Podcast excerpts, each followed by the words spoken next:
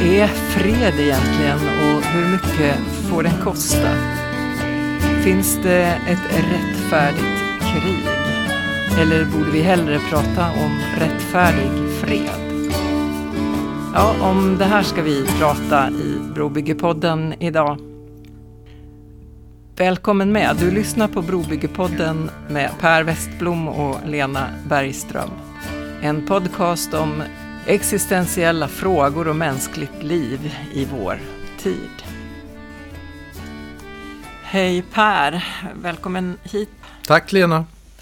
Hur eh, känns det att stå här och, och prata om eh, fred eller krig eller vart vi nu hamnar? Ja, men det känns spännande. Det är enorma frågor som dessutom är väldigt aktuella och personliga. Mm.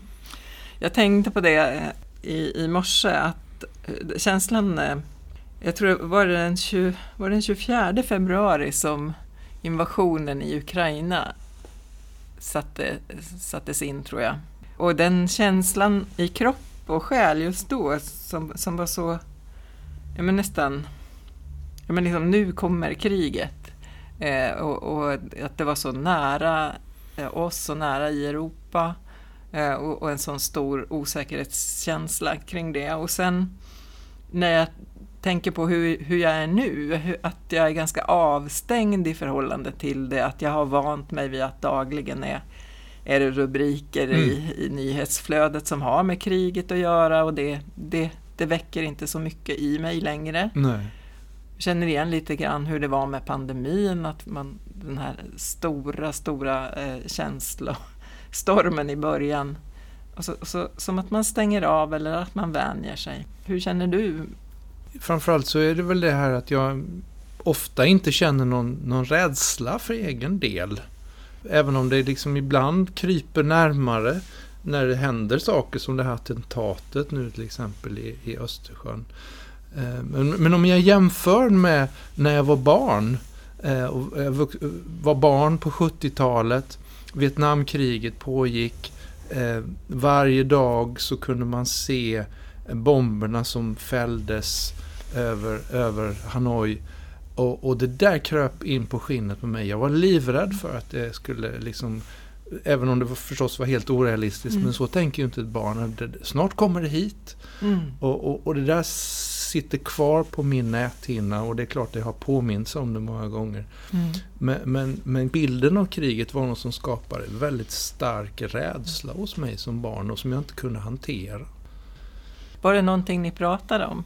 Ja, det, det gjorde vi. Det finns en sån här lite rolig anekdot när jag kommer eh, upp till min mor och, och, och säger de rika länderna krigar mot de fattiga. Jaha, vilka är de rika länderna? New York och de där, sa jag tydligen då. och då, så sa mamma, då förstod hon vad, vad, vad, Sveriges Televisions politiska inställning hade gjort med mig. Men det var ju fortfarande väldigt sant det jag ja. sa. Eh, och eh, på något sätt måste jag ha pratat om, men, men mycket av det kände jag ändå att jag var jag bar ensam på något sätt. Och överhuvudtaget så, så präglades en hel del av min barndom av, av rädsla för krig men också rädsla för liksom, våld som skulle möta mig. Mm. Alltså att få stryk, eh, inte hemma, det fick jag aldrig, men, men av, liksom andra i skolan och sådana saker. Mm. Så att, jag eh, har liksom påtagliga minnen av liksom hur, hur våldet är en del av min vardag, eller kanske hot om våld i första hand men även faktiskt våld. Och, och, jag tänker att som barn är man så skyddslös och har inte redskap vare sig för att hantera det eller eh, alltså tankemässigt och, och, inte heller handlingsmässigt. Mm. Eh, och, och de perspektiven tycker jag är viktiga att ha med sig för att det är ju inte minst barn som drabbas av våld mm. eh, på ett sätt som är ohyggligt. Ja men så är, så är det ju verkligen. Jag vet inte hur mycket jag tänkte kring Vietnamkriget men jag minns rädslan för kärnvapen som Just. någonting väldigt påtagligt. Eh, och att vi hade övningar i skolan eh, vart man skulle springa med i skyddsrum och sådana där saker. Så det, det fanns ju ändå där som en, som en någon slags risk eller hot och, och känslan av att mänskligheten skulle kunna förstöra hela jorden. Och, Mm. eh, ja, den känslan har jag ju fått bära med mig. Mm. Det, var, det var ju det kalla kriget som vi växte upp med. Mm. Eh, vilket ju är en, en, en märklig term. Men, men man kan, om man ska sam, försöka göra en, en definition av det så var det väl att det, det, det var en slags terrorbalans. Där, där man var fiender men man förde inte aktivt krig men det fanns hela tiden ett hot om krig. Och det höll på att bli en sammandrabbning då vid Kubakrisen på, i början på 60-talet. Det har jag ju förstått långt efteråt hur nära det var att det Mm. faktiskt hände någonting då Mm. som skulle kunna Ja, som förmodligen skulle gjort att vi inte står här idag. Mm. Men det, det är ju också lätt att tänka att, att äh, ja, vad gör man liksom? Men för, för, är, är, är krig det enda som händer i världen? Ska säga. Nej, men, det var det enda. Alltså, samtidigt som hela det här kalla kriget eh, pågick så, så har ju också då det här som vi kallar diplomati ändå varit någonting, ett aktivt kanske fredsarbete. Just det. Men inte helt, det är ju inte bortkopplat från våldet. Nej. Därför att det, det finns ju som du sa, hotet om våld Mm. Finns naturligtvis alltid, alltid där. Mm. Men det är ändå, det har ändå lagts ner en del energi på att lösa konflikter utan att aktivt använda sig av, av våld. Precis. Men det, det, det är inte utan våld. Det, det är rätt, det alltså man, man förhandlar utifrån en, ett våldskapital ändå Mm. på något sätt. Mm. Ja. Eh, just nu kommer jag att tänka på att jag tittar ganska mycket på polisserier, ska jag erkänna. Och det är inte säkert att det är bra. Men en ganska klassisk upplösning i många serier, det är ju ett gisslandrama där en polis, antingen med planerat eller oplanerat, går in, lägger ner sitt vapen väldigt tydligt och medvetet och försöker närma sig den som är på väg att, att begå ett, ett våldsbrott. Och det kan man ju säga mycket om, men det är ett ganska, en, en ganska intressant bild av just att vapenlös, för, för där är han ju faktiskt vapenlös. Det står ju ofta tio poliser runt omkring och är beredda att skjuta ner honom Mm. prickskytt. Och den här som förhandlar är ju ofta emot dem. Alltså, Mm. vänta, lugna er. Jag tror att det går Mm. att hitta en fredlig väg här. Och det där är, tycker jag en- en bild för, skulle det vara möjligt så att säga också på, på ett nationellt plan. Och de här diplomaterna som du säger, de är ju jättespännande. Vad hade hänt om, om Dag Hammarskjöld hade fått leva lite Mm. till som, som ju var en oerhört duktig just diplomat, förhandlare. Just det, FNs generalsekreterare. Som, han dog, det var på 60-talet Ja. också, eh, en flygolycka som eventuellt var en att planet blev nedskjutet. Det är väl inte helt klargjort, men Det är många inte tror... helt klargjort men nog, eh, jag skulle ju satsa mina pengar på att det var ett attentat. För fredsmänniskor är farliga. Ja, Det har du studerat Lena. ja, ja, men det är ju tydligt att en av de mest provocerande tankar som finns, det är pacifism. Eller icke-vålds... aktivt utövande av icke-våld. De mest tydliga exemplen är ju Gandhi och Martin Luther King Jr. som, som båda blir dödade. Hur, hur oerhört provocerande det är för, för samhällets... Eh, alltså det, det, det vanliga sättet att eh, hantera konflikter fungerar inte när någon väljer icke-våldsmetoder. Eh, men också Leo Tolstoj hade inspirerat de här två som jag nämnde Mm. och många andra.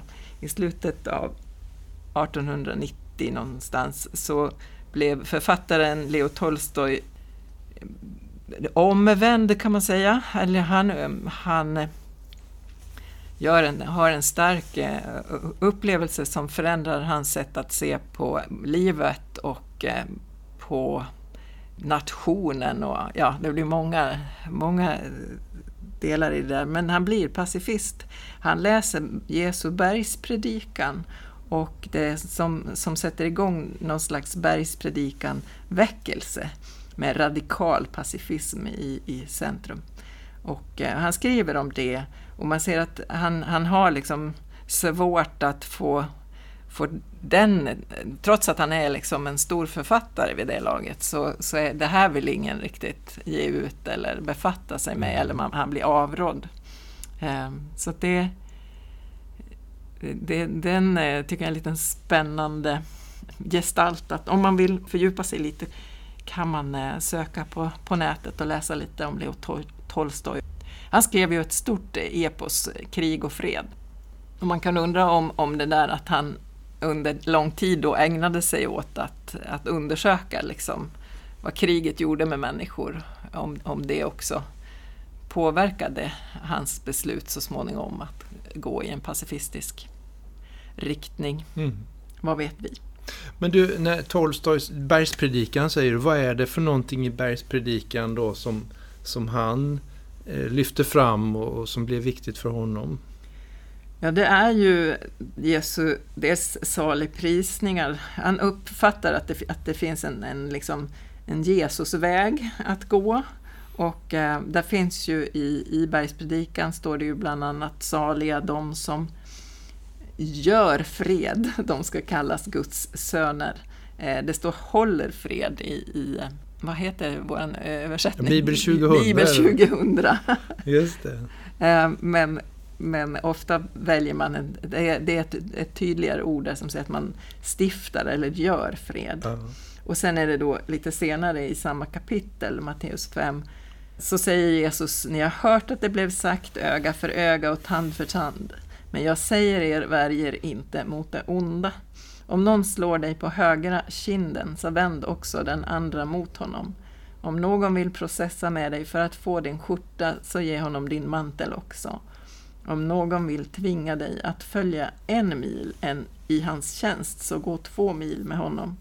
Mm. Men det låter ju fullständigt orealistiskt, utopiskt. Skulle det fungera? Att vända andra kinden till. Ja. Mm. Ska vi reda ut den där texten lite grann? Ja, ska, ska man säga det till hustrun som blir misshandlad av sin man? Vända andra kinden till så blir det nog bättre. Nej, men det här är ju en text som, som blir farlig i fel sammanhang.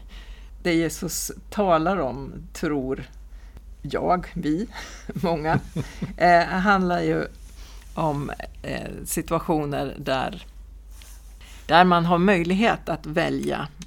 Det är inte att vara passiv, det är inte att låta våldet hålla på, utan att vända andra kinden till när någon har, har slagit dig på den andra. Eh, om du då vänder den andra kinden till så är det ett aktivt sätt att eh, påvisa för den andra är det så här? Mm. är det så här du har tänkt dig mm. att den här relationen ska se ut? Mm. Eh, eller och man, genom att ge också sin mantel eller gå en extra mil så återtar man initiativet i relationen och, och liksom säger du kan försöka få mig att göra det du vill, men jag är fortfarande fri att göra det jag vill. Just. Säger du att jag ska gå en mil, då går jag två. Ja. Eh, så det, det, är en mycket mer aktiv eh, attityd än eh, vad, vad det kan låta. Kanske framförallt så tror jag vi ofta bara har fastnat i det där att vända andra kinden till som ett passivt sätt att acceptera våld. Mm. Kanske låter jättekonstigt men det är nästan lite eh, konfrontativ pacifism. Mm. Eller konfrontativ icke-våldsinställning. Mm. Åtminstone väldigt aktiv. Ja. Precis. Vad ska vi, vad ska vi tro? Min, min tolkning är, är, ju kanske väl aktiv då, men, men jag tror... Alltså om man också tänker på historiskt hur, hur människor som har valt eh, pacifism har uppfattats just som väldigt provocerande, mm. så kanske det har att göra med att det faktiskt är en... Det blottlägger, det eh, när man blir bemött, när man möter våldet med icke-våld så blir ju våldsverkaren liksom avslöjad Mm. i, i sitt Mm. våld. Mm. Om jag möter med våld så, så bekräftar jag Mm. våldet Mm. hos den andra också som, som någonting verkligt och, och, och en, en metod som vi kan använda så att säga. Mm. Men genom att vägra gå den vägen så blottlägger jag att det, det där våldet, det är ditt. Mm, just det. Jag funderar också på det här med, med vad, vad våldet gör och, och, och ännu mer kriget. Eh, På något sätt så är det ju någon slags avhumanisering, avpersonalisering. Och, och jag tänker när man, när man möter våldsverkaren och bevarar både hans mänsklighet och min egen. Jag är en person, jag är Per och du är vad, vad du nu heter. Och, Mm. och du eh, kan inte göra så här. Vi kan inte göra så här mot varandra. Jag kommer att tänka på en, en, en god vän som, som var nära att bli utsatt för, för våld på stan. Och, och, och hon vänder sig till, till honom och säger Jag heter så och så och du har inte rätt att göra det här mot mig. Mm. Och jag tänker, och det, det är klart, det är, inte, det är inte aktiv pacifism, men det är ett sätt att liksom... Vi är människor Mm. eh, och, och, människor eh, gör inte varandra illa. Eh, och han, han blev så paff så han gick därifrån. Eh, och insåg väl att ja, det var en människa jag höll på att Ja. Och det är också att skapa en slags medvetenhet hos den andra. Mm. Att du, som säger egentligen, det här är inte du. Ja. Du, du är inte en våldsverkare.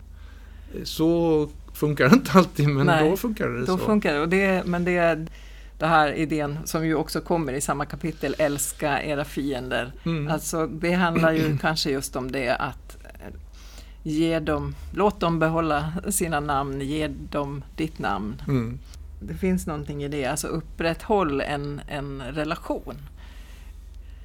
Det är svårt att hata på nära håll, gå närmare. Det, det är en Brené Brown, tror jag, här författaren som, som har skrivit mycket om sårbarhet. Hennes råd för hur vi ha- hanterar polariseringen är, det är svårt det är svårt att hata på nära håll, lättare Mm. på avstånd. Så gå närmare. Ja, det, finns, det finns otroligt mycket att säga om det här. Var, var ska vi... Men låt mig, jag skulle vilja, det där med pacifismen. Ja. Och ska vi bara säga också att det inte har med passiv att göra. Nej, bra. Eh, utan det kommer ju av pace, pacem, fred. Så, att, så pacifism handlar om fredsskapande. Det skulle kunna vara ett, ett uttryck egentligen för vad Jesus säger i saligprisningarna. Så det är inte Mm. passivt. Nej, och då alltså pacifism stavas med ett C. Passi. Och det är för pacem då. Pa, det är latinet där. Det, det kan vara bra. För, för det, det, det låter ju som att man förhåller sig passiv till Ja. våld och övergrepp. Men det är inte det som är pacifismens idé. Nej. Utan det är att med icke-våld avslöja och eh, jag höll på att säga, jag kanske säger det, dra ner byxorna på, på våldet. Ja, på våldet ja. inte på fienden utan på våldet. Ja. Nej, men jag vet När du var i, i den ålder då man gjorde värnplikt Ja. i, i Sverige, det var ju när vi växte upp eh, allmän värnplikt Mm. um, om man var kille. ja, just det. Berätta, hur, Ja. hur eh, gjorde du? Nej, men eh, det, det som jag tycker är intressant med detta, det var ju att det här var en stor fråga i, i min ungdomsgrupp i kyrkan. Alltså, eh, även bland tjejerna och killarna så diskuterades det. Vad, vad, hur, hur, hur ska man förhålla sig till inkallelsen, mönstringen och, och, och värnplikten? Och, och just i det sammanhang jag fanns i, då var det i princip självklart att man skulle man skulle vapenvägra. Mm. Vad innebar det? Ja, det innebar att när man kom till mönstringen så gjorde man den. Men man, man sa också i, i samtalet att jag, jag, vill in, jag vill inte göra vapenförtjänst. Eller jag vägrar vapen. Eller hur man nu skulle uttrycka sig. Det var liksom en formell möjlighet. Så det var inte liksom någonting som man smög in på sidan. Utan man sa det. Och då, det ledde då till att man så småningom fick förhöras Mm. av, av en psykolog Mm. För att se om man var en trovärdig pacifist, vapenvägrare. Och det här är ju intressant. Alltså, man var tvungen att försvara att man inte ville skjuta andra människor. Det finns ju en underbar dikt av Tage Danielsson som heter Vapenvägraren. Där han säger Tänk om han kommer där kristen och galen och vägrar anfalla folk på Centralen.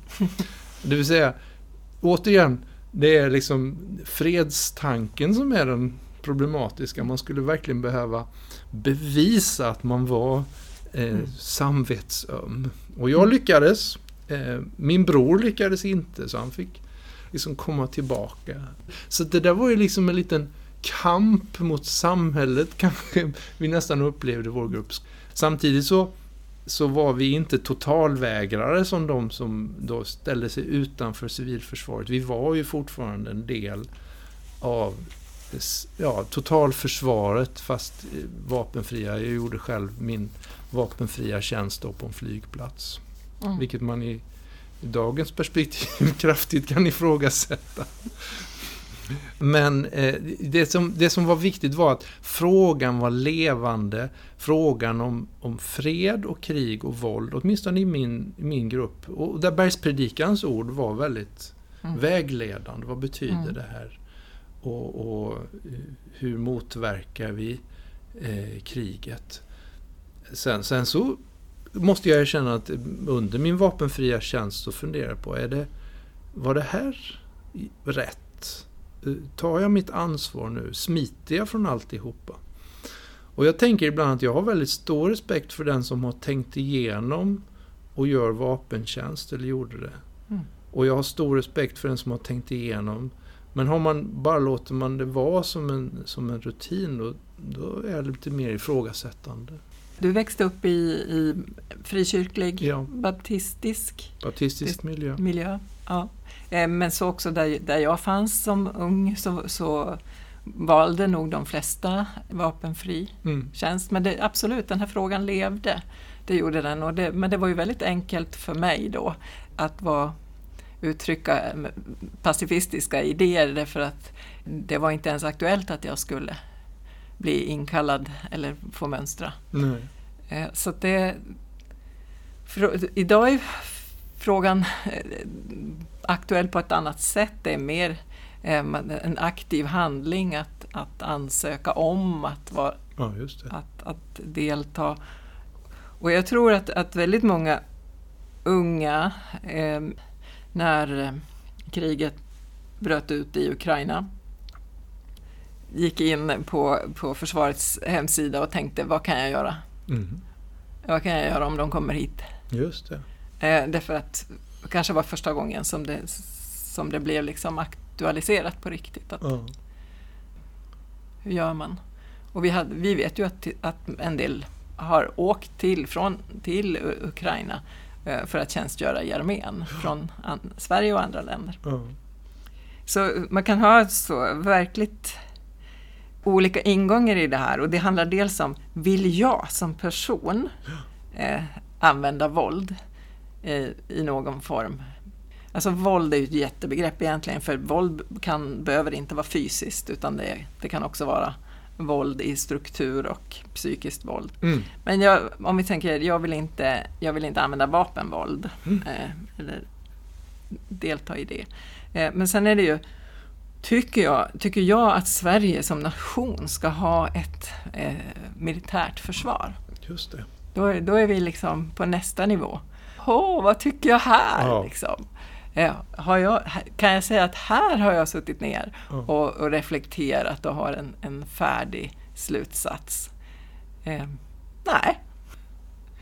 Och, och, här tycker jag att, att ens känslor är avslöjande när det kryper närmare mm. eh, och, och, och, det talas om, om, vår, om vårt försvar.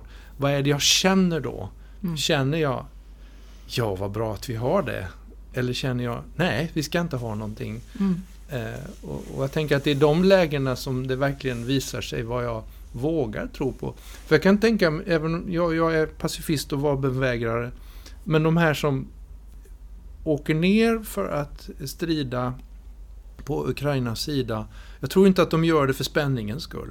Jag tror att det är ett, ett, ett genuint sätt att få vara med och hjälpa till. Och på ett sätt där de vet att de kommer kunna dö. Mm. Offra sina liv.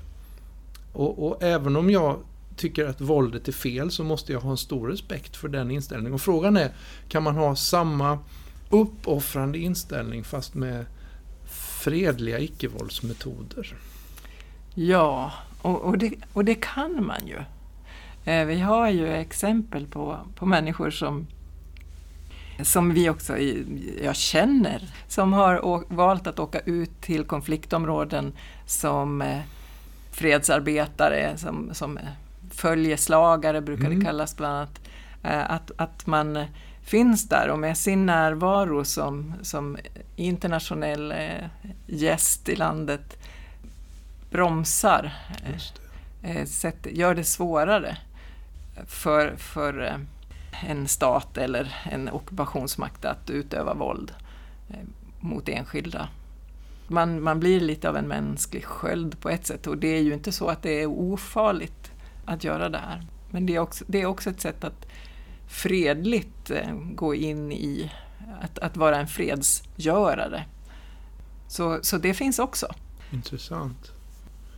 Det, jag känner ju också människor som har varit med i just det här följeslagarprogrammet till exempel i Palestina, Israel och, och, och som just genom, man kan säga att det är en ganska passiv närvaro på ett sätt. De är ögon, vittnen, men, men, men genom att de finns så blir det ändå en, en hur ska man säga, de försvårar Mm. de mest brutala övergreppen i alla Ja. fall. Och de hjälper också till att för, förmänskliga igen eh, de som är, ofta är offer i, i en konflikt. Mm. Genom att de får ansikten och deras berättelser blir hörda. Det finns ju Europeiska baptistunionen som vi, eh, Equmeniakyrkan också finns, eh, har har en relation till. Baptist, eh, baptister i Ukraina idag som eh, åker ut i krigsdrabbade områden med eh, mat och, Mm. och kläder och Mm. liksom bidrar fredligt det. med det som behövs. Just det.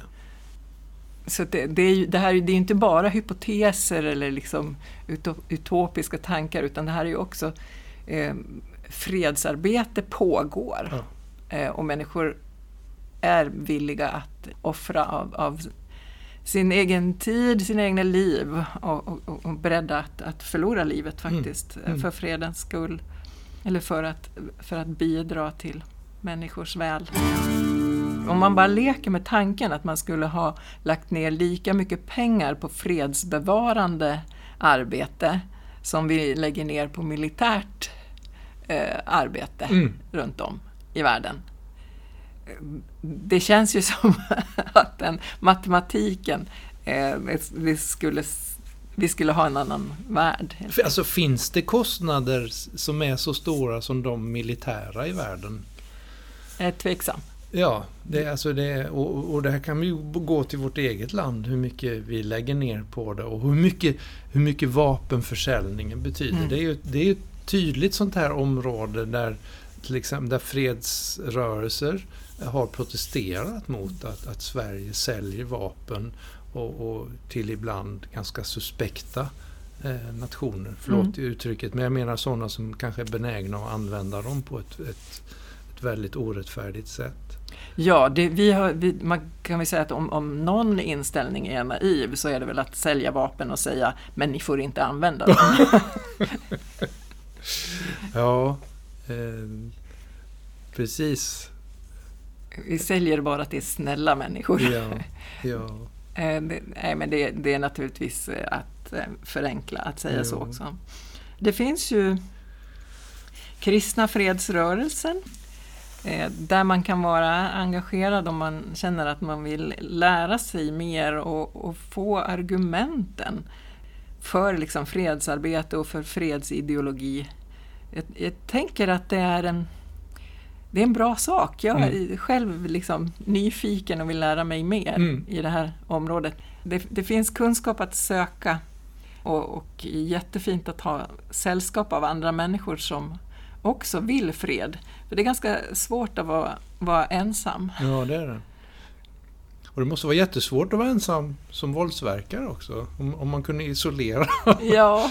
det, det, det, finns ju det här klassiska, tänk dig ett krig och ingen kommer dit. Ja. Och, och den, den säger ju att även den, den passiva pacifismen har eh, liksom ett egenvärde ju fler som ansl- sluter upp till den. Alltså Ja. att, att ju, ju färre människor som är beredda att bruka våld, ja, ju bättre ja. värld får vi. Ja.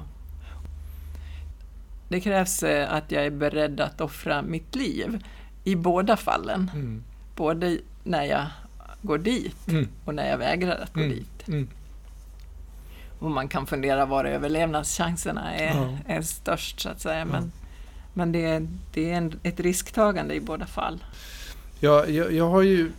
eh, För ett tag sedan läste jag La, Ola Larsmos bok om överste Brody. Mm. Som ju blev Betelseminariets rektor från 1866 och 40 år framåt. Så han formade ju liksom eh, eh, baptistpastorer under en väldigt formativ tid för baptistsamfundet. Och he, under hela hans rektorstid så ville han bli titulerad överste Brody. För han var överste i den nordamerikanska armén. Och det blev han strax efter att han hade fullgjort eh, han blev inte överste, men han drogs in i kriget eh, efter att han hade fullgjort sin, sin baptistpastorsutbildning. Och det var alltså rekryteringen skedde på seminariet, Mm. alltså i USA. Och där eh, så var ju den frågan naturligtvis jättestor. Det, var ju det amerikanska inbördeskriget då i mitten Mm. på 1800-talet. Och eh, vad är det som, som driver honom och de andra? Jo, det är slaveriet. Att, att eh, be- befria, eller befria, Av, vad heter det? Abolitionister. Ja, precis. Och, och det är så tydligt, och jag har inte förstått det förrän jag läser Larsmos bok, att, att slaveriet för de nordamerikanska baptisterna, och säkert de som inte var baptister också, det är en dödssynd. Alltså det är inte, det är inte bara olämpligt, det är inte liksom en, en, en tveksamhet och det är inget som man kan diskutera i ett bibelstudium. Det är en dödssynd. Och en Mm. dödssynd i kristen kontext, är liksom frälsningsavgörande. Men framförallt så drabbar det Guds skapelser. Och därför är han beredd att gå ut i krig. Nu har, hade han militär bakgrund så att det är klart att det, det gör att han, han har förutsättningarna och han är uppenbarligen en duktig militär. Baptistpastor militär och, och därför blir han ju befordrad eh, så småningom. Men det som Ola Larsmo beskriver av kriget, det är ju så fruktansvärt så att man inser ju att krig är ju det är en riktigt dålig idé. Ja, Eh, alltså det, det avhumaniserar och det är, ja, det är dåligt på alla sätt. Men det är klart, det är spännande ändå att- förstå att för dem fanns någon slags humanitärt värde som ändå var större. Så det är svårt att låta bli och liksom känna en, en form av eh, respekt Mm. för dem. För, för det, de utsätter sig själva för enorma eh, uppoffringar och, och plågor. Men det är klart, de är ändå beredda att skjuta, eh, Mm. skjuta ner och, och anfalla den ja, Mm. sydstatsarmén. det, det är ju jättemotsägelsefullt. Ja, Jag är beredd att döda en människa för en annan människas ja, värdighet och värde. ja, Eh, Men det går, att, det går ju att förstå. Det går att förstå att, man, att, att det går att brinna för sin sak. Men- Men här är ju den där, det rättfärdiga kriget, Ja. den idén. Finns det liksom krig som är rättfärdiga att, eh, att utkämpa? Finns, Ja. det, finns det tillfällen då våldet är, är rättfärdigt, rättfärdigat? ja. Det är 10 000 kronors fråga. Ja, jag, jag eh, förväntar mig inte att du och jag eh, har svaret på den frågan. Kanske ingen av lyssnarna heller. Alltså jag tänker så här, det finns, det finns inget rättfärdigt med krig. Mm. Krig, krig är liksom, för mig eh, i synnerhet, eh, eh, ja, både mot bakgrund av när jag läser Bibeln, som ju i mångt och mycket handlar om krig, men också i kunskapen om det moderna krigets fasor. så kan jag inte se annat än att kriget är på något sätt ondskan koncentrerad eh, på alla sätt och vis. Sen kan man diskutera om det finns eh, rättfärdiga orsaker. Jag vet att det blir hårklyverier nu och att försvara sig kan vara rättfärdigt. Men att tala om rättfärdiga krig blir någon slags självmotsägelse tycker jag. Ja, jag håller med om, om det. Det är, eh, eh, det är en bild jag gärna tänker mig, eller liksom enkelt tänker mig, det är ju ett sånt krig som, som vi har nu, där man tänker att det, här, det finns liksom en, en eh, Putin i Ryssland mm. som är makt, eh, han har ett stort maktbegär och en, en uppblåst självbild och han vill liksom bara ta för sig och det är ingenting som är rättfärdigt med det. Eh, och på andra sidan så finns det något slags rättfärdigt i att försvara sig mot en sådan angripare. Då. Men när, när ett krig väl är igång så eh, Alltså då, vad som händer med oss människor, vad det, vad det väcker i oss av, eh, av ondska, av våldspotential, av, av hämndbegär å ena sidan. Men sen finns det också berättelser av att det väcker eh, alltså den här uppoffringen, eh, hur, hur, hur man sammansvetsas mm. i en grupp som strider tillsammans. Det. det är ju inte så att alla goda och positiva egenskaper i en människa försvinner när hon går in i ett, i ett eh, våldssammanhang. Nej. Så det, jag tror, jag tror liksom, eh, jag känner att det, det, är omöjligt att liksom teoretisera sig fram Nej. till rätt och fel. Nej, men det, det, där, det där gör ju att jag får backa lite, för att det är klart att det finns inslag i kriget som är, som är djupt eh, mänskliga, modiga, och, och, det här är ju ord som verkligen är positiva, eh, som, som handlar om, om omtanke och kärlek. Det, det är ju jättetydligt. Där jag också får, får liksom upptäcka mig själv, tänker jag. Mm. Det, det, det, det jag kunde avundas de som gjorde militärtjänst att de fick pröva sina gränser och, och, se vilka de var och hur de fungerade i team och så, så, vidare. Ofta var det så att de som hade gjort militärtjänsten hade ju ett visst försprång eh, sen när de sökte jobb. För man visste mm. att den som hade gjort det, och i synnerhet om man kanske också hade gjort någon form av eh, befälsutbildning i det. Ja, men mm. det här är personer som har gått igenom någonting som är bra. Så svart och vitt? Nej. Svårt svårt. Men det finns liksom, jag, jag stöter på gång på gång ändå när jag läser lite om det här, inte minst då i, i kristna texter, efterföljelse, mm. det ordet. Mm. Alltså att man ska vara en efterföljare till Jesus. Och i det, om man vill gå den vägen, då är våldet uteslutet. Det, det skulle jag gärna vilja kanske borra mer i, någon, i ett, ett kommande program. Mm. Eh, Jesus som någon slags eh, freds... Eh, vad ska man säga, fredsfurste kallas han mm. ju då. Mm. Och, och hur, hur, ett sådant följande skulle kunna se ut i en tid som vår. Då. Okej, det är en sak så här, hur förhåller jag mig som individ? Mm. Vad tänker jag om nationens rätt att eh, bruka våld. Det är ju också det här, det finns ju en, en slags eh, om vi säger Sverige brukar ju inte, staten brukar inte så mycket våld, men använder sig av sitt våldskapital. Kan man ja, alltså, staten har ju våldsmonopol så att det finns, det var någon som skrev i en sociologibok att en norm är en regel som upprätthålls genom hot om våld. En gång till. En norm. En norm är en regel som upprätthålls genom hot om våld. Och det är väldigt avslöjande för det visar att, eh, eller Eh, jo, hot om, om våld, att, eh, eller hot om bestraffning, jag minns inte riktigt. Men, men det visar på något sätt att bakom varje lag som ett samhälle vill upprätthålla så måste det finnas eh, en våldsanvändning som ytterst sett är hotet. För jag menar att, mm. att polisen kommer och tar dig och sätter dig i fängelse, det är en våldshandling. Även om man inte skjuter personer. Men en, en stat som inte har någon våldsanvändning att luta sig tillbaka mot kommer inte fungera. Eh, I, i, alltså, det finns mm. inga historiska exempel på det i alla fall. Ja, just det, om man, beroende på hur långt bak man går då. Om man går till tiden före staterna. Ja, jo. Eh, och sen så kan man ju då fundera på i, i en kristna gemenskaper, och det gäller ju förmodligen andra föreningar också, så, så finns ju inget hot om våld.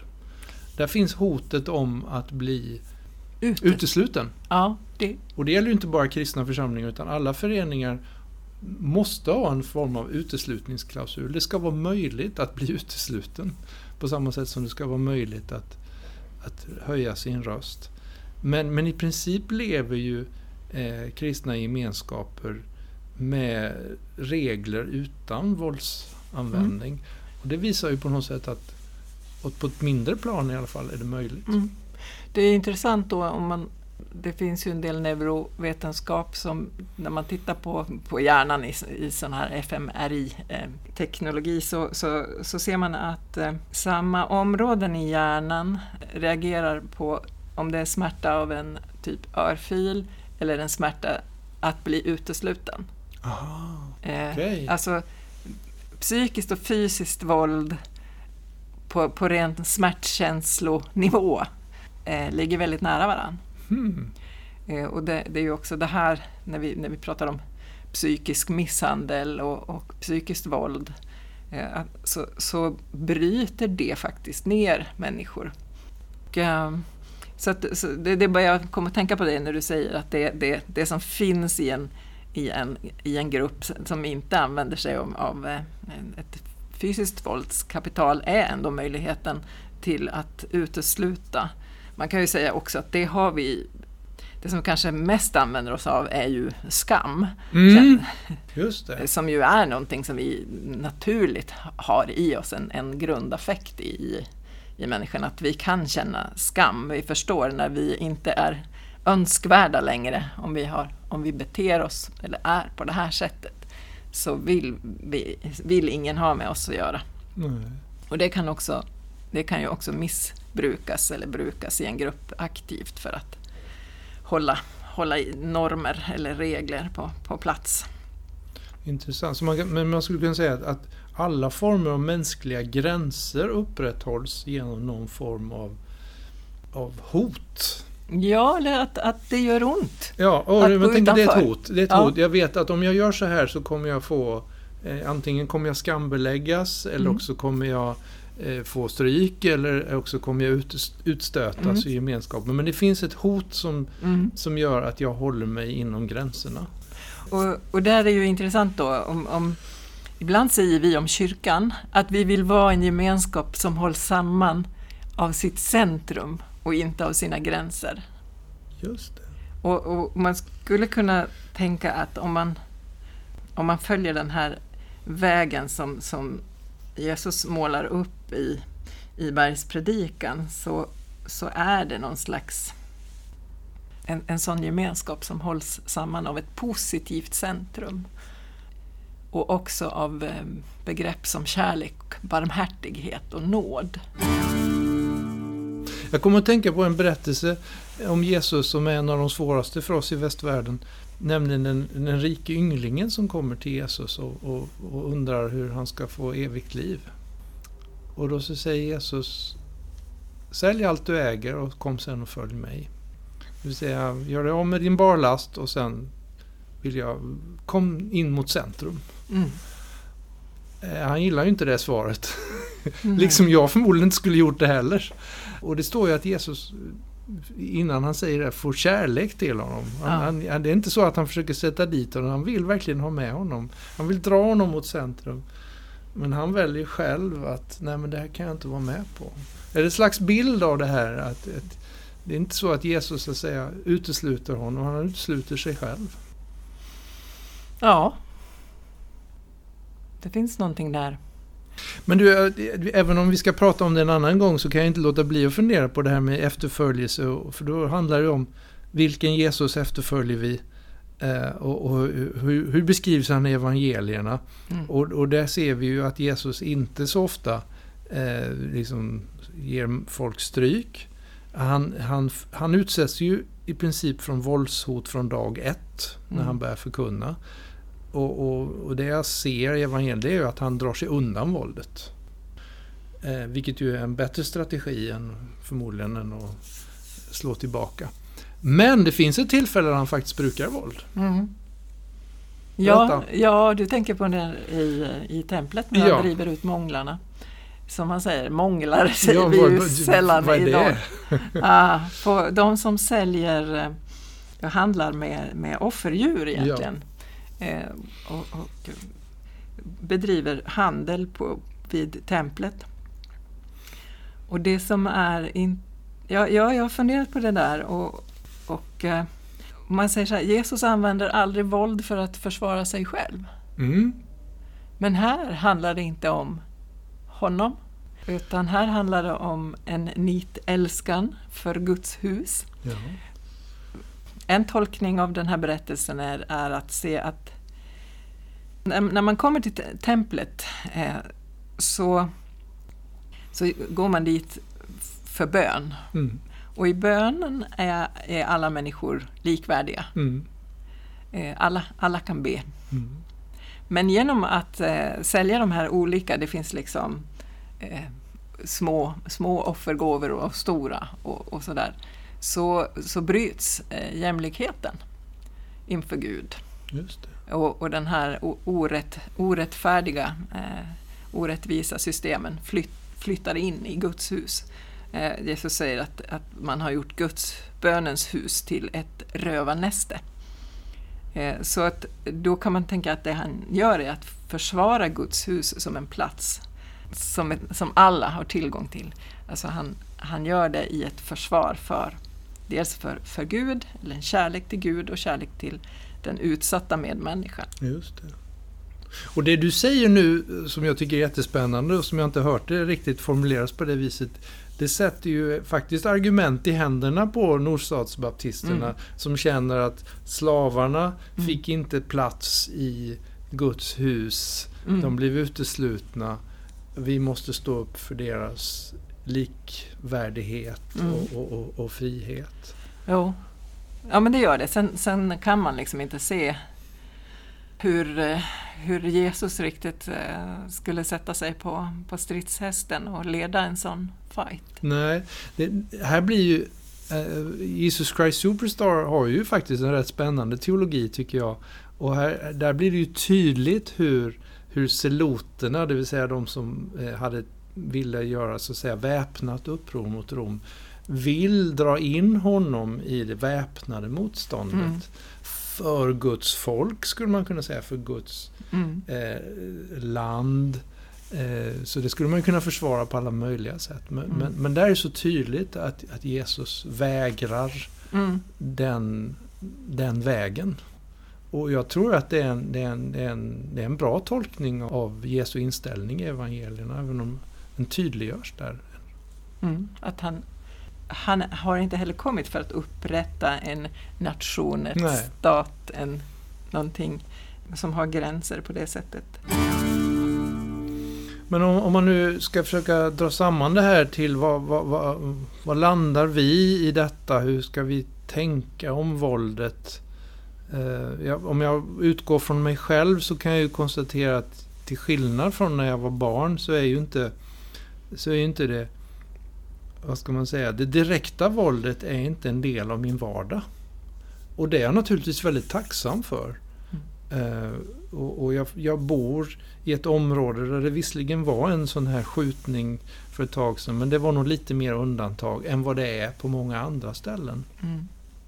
Och, och jag tänker att just hur, var man har förmånen att bo någonstans, vilka sammanhang man vistas i, det påverkar eh, hur, hur mitt våldssammanhang ser ut och därmed också vad, det, jag har det ganska bekvämt kan jag säga. Jag behöver inte ta Mm. så mycket ställning. Jag behöver inte vända andra kinden till särskilt ofta. Åtminstone inte i den här bokstavliga bemärkelsen.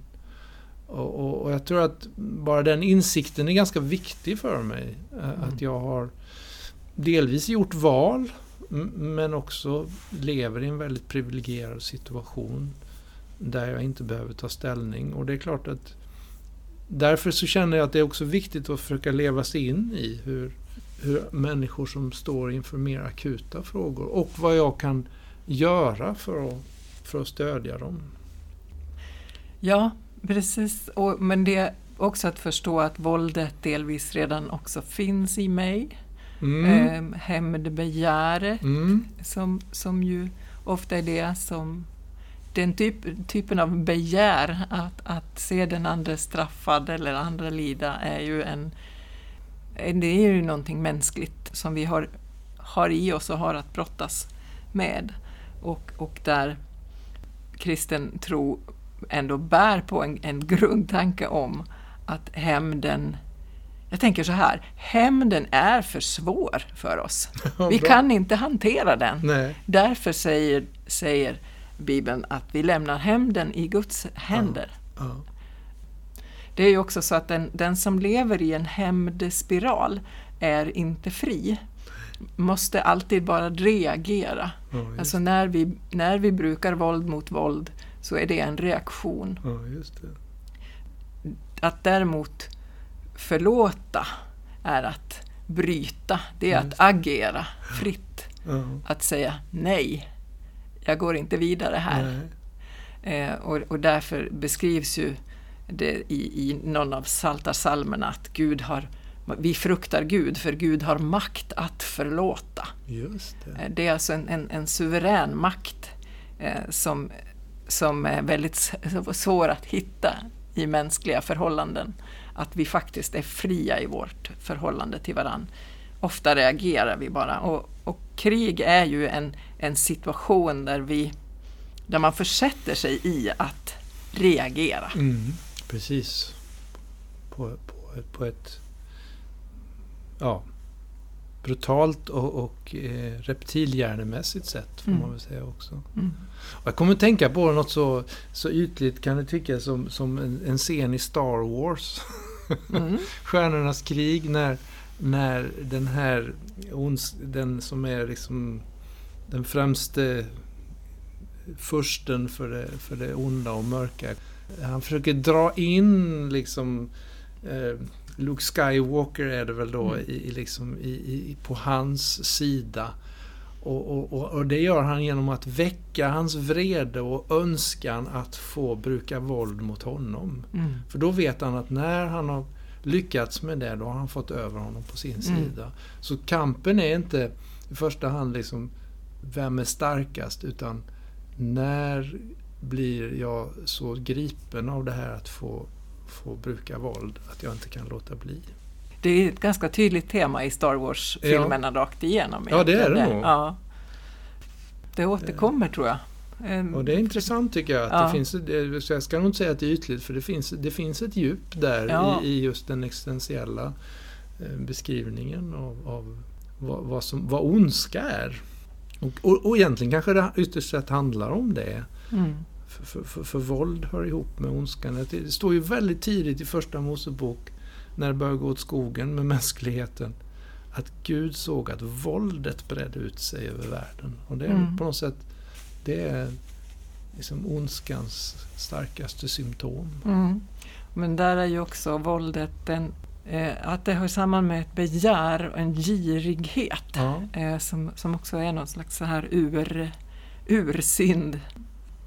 Där, där man samlar, eh, där man vill ha mer, där man också Alltså jag blir girig på det du har och det du är. Och, just eh, du, är, du blir en konkurrent eller någon jag kan utnyttja.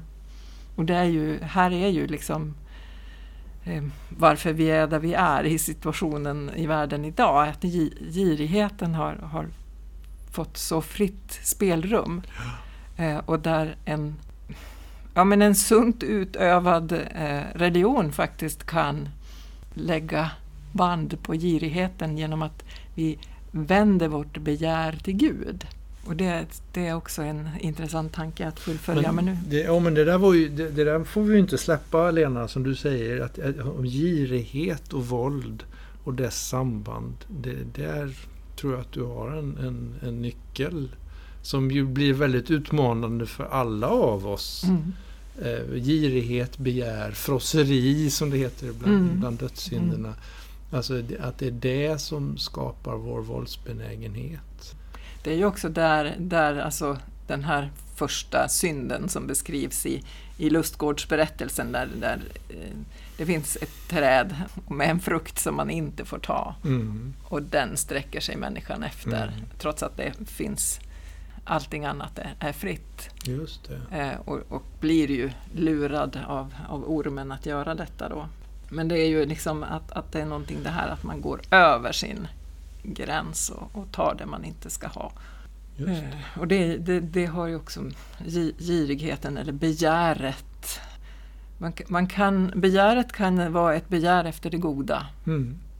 Eller efter, efter det onda eller mm. efter det eh, jag inte, det som inte är mitt. Mm. Och därför så handlar ju också tio Guds bud, eh, de bud fem till tio egentligen, va? Eh, om, om att stävja begäret. Du ska inte, du ska inte. Eh, efter att först ha, ha sagt du ska älska mm, din Gud. Och, och, alltså tillbedjan riktas uh, till Gud och sen genom det så skapas en möjlighet att leva i relationer där vi inte begär varandra, varandras utrymme eller land eller whatever. Mm. På sjunde dagen vilar Gud. Sabbat kallas det i judisk tradition. Mm. Kan du säga någonting om sabbaten som fredshandling? Ja, sabbaten är ju, sätter människans aktivitet i, i en slags, eh, säga, på paus. Eh, Standby, får man säga så? Ja. Eller paus är kanske bättre. Ja. Så att hon en, en dag kan vila tillsammans med Gud och få syn på att världen eh, sköter sig utan henne. Alltså det finns mycket, det mesta i, här, i det här sammanhanget som är världen, jorden, det fungerar av sig själv. Mm. Av sig själv bär jorden gröda. Mm. Eh, men också att, att Gud har välsignat vilan och så sätter det en gräns för den här ständiga, ständiga aktiviteten och, och eh, rastlösheten att, att samla mer och mer. Sabbaten hörde också ihop med det sjunde året där man där köp, eh, där mark går tillbaka, där man har möjlighet att bli fri. Så att det också blir en slags gräns för vad det är, eh, vad som är lönsamt att samla på sig poängen är inte bara vilan utan just tillbedjan av, mm. av Gud. Så att man vänder sig ut ur sig själv mm. och till, till den som ger oss livet. Det är en vacker sak, sabbaten, mm. eh, som, som jag tror kan bli aktuell i vår tid igen. Nej men kanske att vi rundar av här ändå. Mm. Guds fred, Lena. Ja, Guds fred. Fred vare med er. Yeah. Vi hörs en annan gång i Brobyggepodden. Vi kommer fortsätta att titta på det här med fred i några avsnitt framöver. Kanske dyker det också upp någon gäst. Välkommen att fortsätta lyssna på Brobyggepodden och dela gärna med dig till andra och berätta att den här podden finns om du tycker om den. Så är det fler som får vara med i samtalet. Om du vill höra av dig kan du höra av dig via vårt Instagramkonto, att Brobyggepodden.